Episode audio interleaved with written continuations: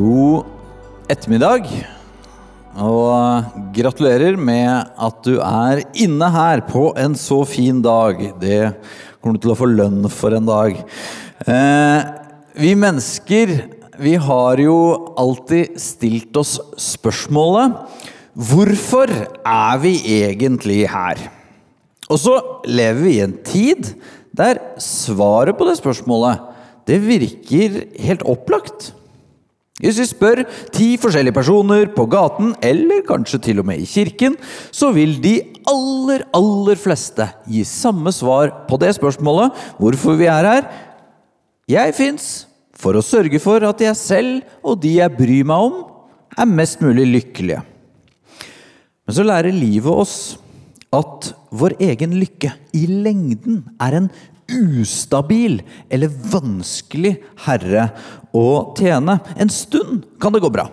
Og en del faktorer i livet kan vi jo kontrollere, sånn at vi kan stå på og vi kan lykkes med mange ting for en periode. Men så holder det ikke i lengden. Kriser kommer. Konflikter. Krig, til og med, kommer.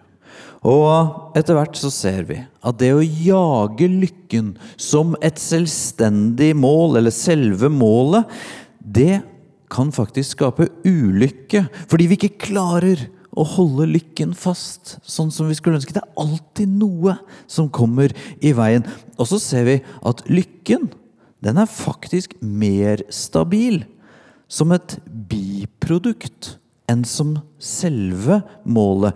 Lykke det kan jo være den derre gode slitenheten etter at man har fått fullført en krevende jobb eller oppgave som man så det var meningsfullt å gjøre. Lykke kan være avtrykket etter en klem som du turte å gi, og som ble tatt imot med takknemlighet.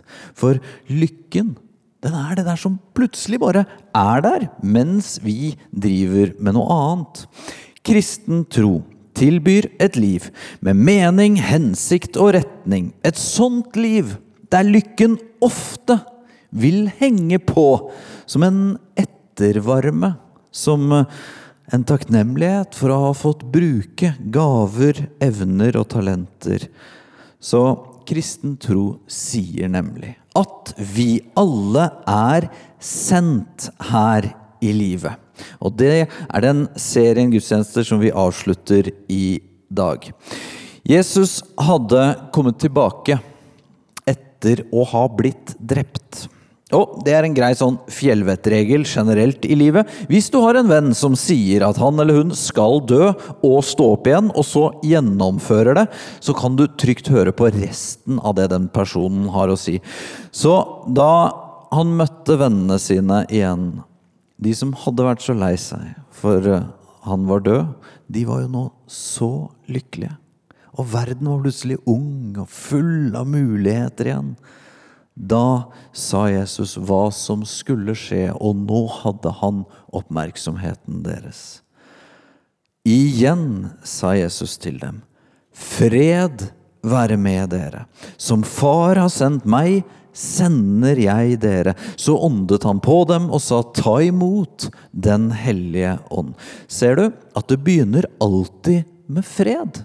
Fordi vår grunntilstand er at vi har fred med Gud, Guds velvilje over deg. Og så fører ikke den freden bare til et sånt evig all inclusive-hotell på Gran Canaria for at vi skal finne lykken med å ikke gjøre noe mer. Nei, først fred, og så sendelse. Vi sendes ut i livet, og så sendes vi ikke tomhendte for å streve alene.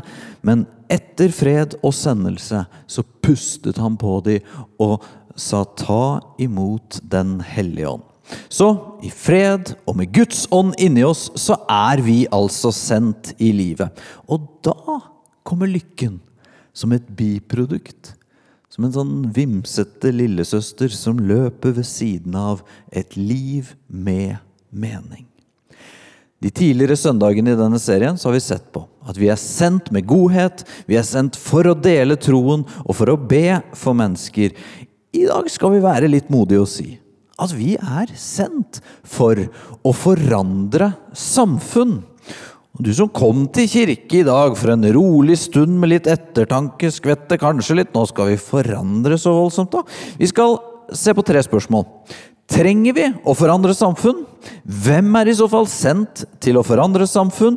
Og hvordan forandrer vi samfunn? Så vi begynner med det første. Trenger vi å forandre samfunn? Det er to litt motsatte fristelser for mange av oss kristne om hvordan vi skal forholde oss til samfunnet rundt oss til enhver tid. Det ene er det vi kan kalle en fundamentalistgrøft. Da ser alt i samfunnet mørkt og farlig og dårlig ut, og vi blir redde for utviklingen går alltid feil vei og i en dårlig retning. Det andre er det motsatte. En sånn tilpasningsgrøft, hvor vi tenker at samfunnsutviklingen er alltid bare god, og vi må forutsette at alt alltid blir sånn som det skal være. I boken Center Church av uh, Tim Keller så bruker han et rammeverk som vi som lederskap i kirken her også bruker, hvor vi forsøker å se samfunnet på tre uh, nivåer åndelig, hva er tilstanden og trendene i den åndelige utviklingen i samfunnet? Sosialt, hva er tilstanden på det sosiale området? Hvordan behandles de minste og svakeste? Og for det tredje kulturelt, som i hva er den rådende kulturen, tenkningen i samfunnet? Og så er poenget å se dette nyansert. Hva er det som er bra, som vi kan heie på, og hva er det vi trenger å utfordre rundt oss på disse områdene her? F.eks. på det åndelige området, så er det bra at vi i Norge for tiden vi lever i et mangfoldig, fritt samfunn, ikke minst. Samtidig så er det utfordrende at det er så mye skepsis og nærmest berøringsangst mot tro. Og det er noe vi bør utfordre. Sosialt har det aldri i menneskehetens historie eksistert et samfunn med så gode ordninger som den norske velferdsstaten. Samtidig er det økende ensomhet, dårligere psykisk helse blant unge, det mangler fosterhjem i Oslo, og vi får nå en stor gruppe nye flyktninger som vil trenge hjelp. Kulturelt sett så lever vi i et samfunn som den prisvinnende britiske historikeren Tom Holland, bl.a. i boken 'Dominion', har beskrevet som dypt formet av kristne verdier. At kristen tro førte den vestlige verden ut av den brutale antikke tiden og til den moderne friheten som vi har nå, som til og med også er nettopp grunnlaget for at man kan velge i dag å ikke tro. Det er pga. kristen tros gjennomgripende innflytelse i samfunnet. Holden sier alle vi i Vesten er gullfisk, og vannet vi svømmer i, er kristendommen. Med dette mener jeg ikke nødvendigvis troen i bekjent form, men snarere betraktet som hele sivilisasjonen. Samfunnet er altså, i én forstand, hevder Holden, gjennomkristnet. Åndelig sett er de fleste medlemmer i en kirke. Sosialt så har det blitt selvsagt i vår tid at alle mennesker er like mye verdt, og at vi tar oss av de minste blant oss. Det var en fullstendig ny tanke med kristen tro.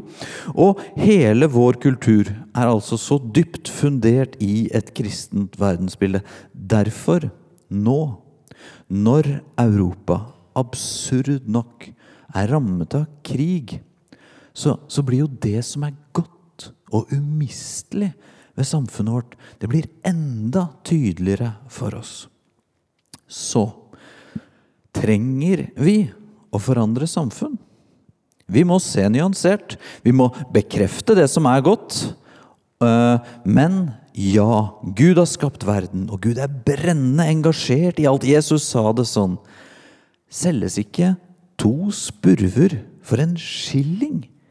Og ikke én av dem faller til jorden uten at deres far er der. Det er en vakker beskrivelse. At det er ingenting som skjer i samfunnet som er utenfor Guds omsorg. Så vi er sendt for å være på livets side og bidra til å forandre samfunnet til noe helere og noe bedre. Da går vi videre til å spørre hvem er da sendt for å forandre samfunn. Den helt grunnleggende teologiske fortellingen bak spørsmålet vi begynte med, meningen med livet, det er at en kristen har en dobbel, et dobbelt oppdrag i livet. Det mest kjente oppdraget for deg som har vært kristen lenge, gått på søndagsskole og sånn, det er det vi oftest kaller misjonsbefalingen. Jesu ord om at vi skal dele troen og hjelpe hverandre til å følge Jesus, som vi snakket om i denne serien for to uker siden. Men det er ikke hele vårt oppdrag i verden. Den andre delen av oppdraget er det vi fikk aller først om begynnelsen av hele historien står det Gud velsignet dem og sa til dem, vær fruktbare og bli mange. Legg, fyll jorden og legg den under dere. Og i en litt annen versjon, i kapittel 2, så tok Herren Gud mennesket, satte det i Edens hage til å dyrke og passe den.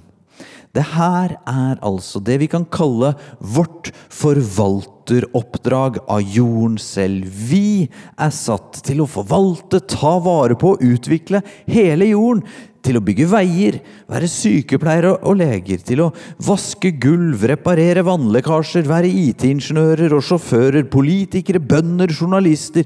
Vi er sendt for å finne opp nye løsninger, lage vaksiner, passe barn, jobbe i departement og akademia.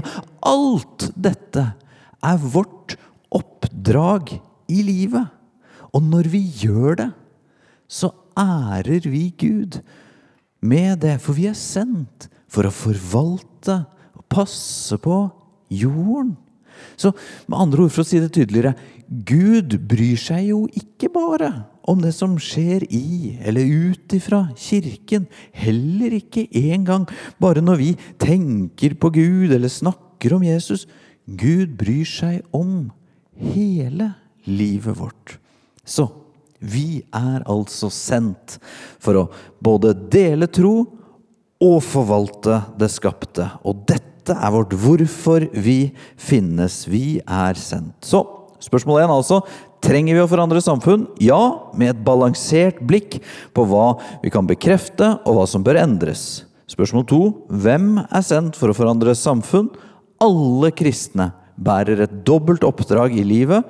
Både å dele troen på Jesus og at vi er sendt for å forvalte jorden. Da kommer vi til spørsmål tre. Hvordan gjør vi det? Hvordan forandrer vi samfunn? Det må vi bruke resten av livet vårt på å finne ut. Men jeg skal våge i ettermiddag å si tre ting. Vi forandrer nedenfra. Vi forandrer ovenfra. Og vi forandrer når vi slutter å være kunder i livet. Vi begynner med å forandre nedenfra. En av Bibelens vakreste fortellinger oppsto, som vi sa om lykken, sånn i sidesynet, på vei til noe annet. Jesus han var nesten alltid på vei, men lot seg alltid forstyrre. Det står De kom til Jeriko. Og da Jesus dro ut av byen sammen med disiplene og en stor folkemengde, satt en blind mann ved veien og tigget. Jeg er en sånn som nesten alltid prøver å se det store bildet. Det er fint, tenker du, men det er til du hører at eh, om barna mine skal fortelle meg noe de syns er vanskelig, så kan jeg ta meg i og svare dem at det de sier, stemmer ikke med den generelle forskningen for hvordan unge i Norge har det. Jeg er åpen for at det kan oppleves bitte litt frustrerende å få høre at man opplever sitt eget liv feil ut ifra helhetsbildet til pappa. Men det satt en blind mann Ja, ja, det er alltids noen enkeltpersoner med utfordringer. Men hva er det store bildet, da? Nei. Markus som skriver det, han fortsetter. Han het Bartimeus, sønn av Timeus. Alle har et navn, og alle har en historie. Bartimeus han satt i utkanten av byen, utenfor arbeidslivet, utenfor eliten, det produktive. Han var med samfunnets øyne uviktig, men denne dagen forble han ikke en anonym, navnløs tigger. Navnet hans vil huskes for alltid. Da han hørte at det var Jesus fra Nasaret som kom, satte han i å rope, 'Jesus, du Davids sønn, ha barmhjertighet med meg!' Og mange snakket strengt til han og ba han tie. Men han ropte bare enda høyere, 'Du Davids sønn, ha barmhjertighet med meg!' Altså Bartimeus. Jesus er en viktig person på et viktig oppdrag. Han har ikke tid. På gresk er det Bartimeus ropte denne dagen. Kyrie eleison. Og lite visste vel Bartimeus at akkurat dette ropet skulle bli alle menneskers rop til Gud. Så helt fra den første kirken i Jerusalem så plukket de opp akkurat denne bønnen fra grøftekanten utenfor Jeriko og gjorde den til en del av kirkens liturgi, altså gudstjeneste. Kyrie eleison, ha barmhjertighet med meg, Gud. Og i stad, i gudstjenesten her, da vi tok frem bønneemnet og ba sammen, så er det bygget på den samme liturgien tilbake til Bartimeus. Da stanset Jesus og sa, Be han komme hit. De ropte på den blinde og sa til han, Vær vel godt mot, reis deg, han kaller på deg. Mannen kastet kappen av seg, sprang opp og kom til Jesus. For Jesus så ikke bare det store bildet. Jesus så ett og ett menneske. Og når ikke engang Bartimeus, fattig, blind i en grøft i en utkant, var usynlig for Jesus, da er ingen det av oss heller. Hva vil du jeg skal gjøre for deg? spurte Jesus. For han tok ikke fra Bartimeus hans egen agenda i livet sitt. Den blinde svarte, 'Rabuni, la meg få syn igjen.' Da sa Jesus til han, 'Gå du, din tro har frelst deg.' Straks kunne han se, og han fulgte Jesus på veien. Kristen tro har alltid vært en tro som har spredt seg fra ett menneske til et annet. For sånn var Jesus selv. Han så den ene. Den første kirken den sto i skvis mellom det jødiske tempelet på den ene siden og det romerske imperiet på den andre. Og begge disse to mektige størrelsene kastet seg over den første lille kirken.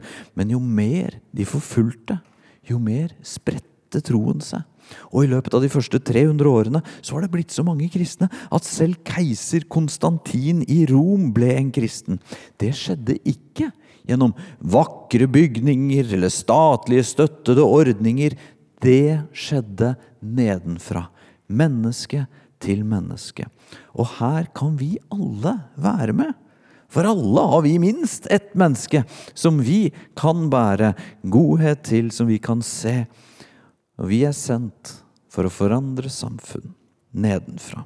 Én og én. Og når jeg nå har sagt dette, så kan det virke som en motsetning.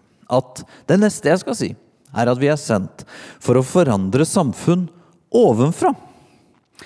Men eh, for noen år siden så skrev jeg en kronikk i Aftenposten til julaften om at Gud kom som et lite barn i julen, at kirken alltid har kommet sånn nedenfra som vi akkurat nå har snakket om, og at denne tiden før keiser Konstantin ble kristen, på mange måter var kirkens beste tid. Det var før den ble en maktkirke og fikk alle privilegier.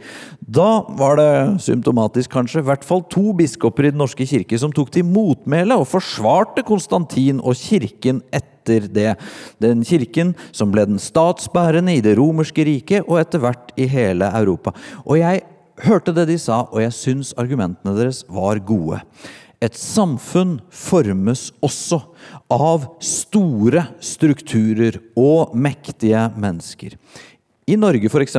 så er det ca. i underkant av 2000 mennesker som skriver de meningsbærende artiklene, deltar i den offentlige samtalen og debatten. Og disse 2000 de har jo relativt sett større innflytelse over utviklingen i samfunnet generelt. De er selvfølgelig ikke mer verdt enn andre, og kirken skal ikke behandle mennesker ulikt, men vi har et ansvar for disse. Paulus sier, be for konger og alle i ledende stillinger, så vi kan leve et stille og fredelig liv med gudsfrykt og verdighet i alt. Så Et samfunn, det endres altså også ovenfra. På godt og vondt. Det siste ser vi akkurat nå, med det som skjer i Ukraina. Og når noen med makt velger å gjøre så mange mennesker vondt, da er ikke en gud som, som vet om spurver som faller til jorden, han er ikke likegyldig til det. Kong David skrev en klagesalme som mange i Europa og i Ukraina har bedt de siste dagene. Se, den som er svanger med urett, har unnfanget ugjerning og føder løgn. Han graver et hull og gjør det dypt, men faller selv i den graven han gravde. Hans ugjerning rammer hans eget hode, sin egen råskap får han i skallen. Kanskje ikke det bibelverset du har hørt oftest. Men vi får be, og så får vi være bevisste. At samfunnet forandres altså også ovenfra, og at det hviler et stort ansvar på de som har makt. Og det er ikke likegyldig hvilke lover, strukturer og ledere et samfunn har. I Nazi-Tyskland på 30-tallet, i Sør-Afrika under apartheid, så var det kirker og enkeltkristne som engasjerte seg for å endre samfunnet grunnleggende, som står som lysende eksempler for oss i dag. Så vi forandrer nedenfra gjennom én og én som vi alle møter. Vi forandrer ovenfra gjennom å be, støtte, utfordre og formane lover, strukturer og ledere i samfunn. Det siste jeg vil si, det er en Kall det en personlig utfordring. Til deg, og ikke minst til meg selv. Og det er Jeg merker det etter pandemitiden. Kan vi bli mindre kunder i livet? Den uken så skulle jeg på et arrangement på Litteraturhuset, og så tok jeg meg i at jeg ble så glad da jeg så at det var digitalt, for da kunne jeg være hjemme og løpe på tredemølla mens jeg var på det arrangementet. Og så sa jeg til en kollega liksom Så bra verden har blitt. Og så sa hun så trist verden har blitt. Vi lever i en unik velstandstid. Vi har mer ressurser enn noen gang før. Men jeg merker at jeg på flere og flere områder i livet har blitt en kunde. Jeg spør meg hva er det beste for meg her nå? Og Så så jeg en konsulentrapport om frivillighet i Norge. Og Der kan man se at den har endret seg fra at før så var det mer sånn her at eh, vi identifiserte et formål som vi ønsket å støtte, f.eks. Røde Kors eller en kirke. Og så var det litt underordnet akkurat hvilken oppgave jeg engasjerte meg i, for det var en sak jeg støttet. Nå spør vi mye mer. ikke sant? Ut fra at vi begynte med at vår viktigste forpliktelse er at vi er lykkelige, så spør vi hva er det jeg kan gjøre som får meg til å føle meg bra? Og så er vi mer kortsiktige. Vi er mindre forpliktet, og vi er mindre villige til å akseptere motstand og kjedsomhet. Og ikke hør meg feil at jeg står og sier kjefte på deg, liksom, for jeg ser dette på meg selv. Eh, men hvis vi skal få være sånne som forandrer samfunn, da kan vi ikke bare være kunder. Salme 119 handler om eh, takknemlighet for Guds ord, Guds veiledning, Guds bud til oss. Og vi kan be bønnen, du kan be den inni deg, som står der. Led meg på den stien dine bud viser, for den gir meg glede. Bøy mitt hjerte mot dine lovbud, og ikke mot min egen vinning. Vi begynte med å si at lykken ofte er et biprodukt. Vimsete lillesøster som dukker opp ved siden av. Det å leve i oppdraget vi er sendt til, den stien som Gud viser, som er salmens språk her. Det å dele troen og forvalte jorden, det gir lykke, det gir glede, sier salmen.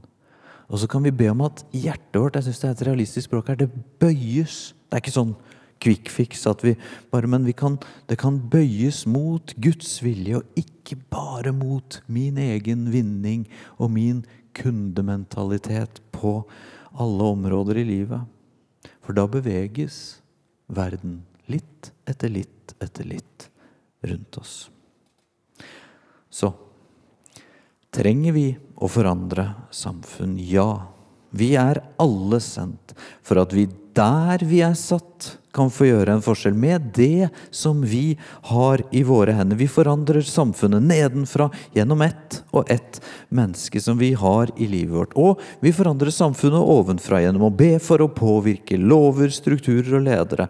Og vi forandrer samfunnet gjennom å be Gud bøye hjertet vårt bort fra bare vår egen vinning og til den større fortellingen om Guds vilje i livet vårt. Vi be en bønn sammen, og så skal vi høre en bønn sunget etterpå. Far i himmelen, tusen takk for at eh, du har satt oss her. Og takk for livet som vi har i hendene våre. Og vi ber om å få være gode forvaltere av det fantastiske som du sender oss til. At, uh, takk for all, på alle måter vårt samfunn rundt oss er forandret av lyset som skinner fra evangeliet, og alle gode frukter av det.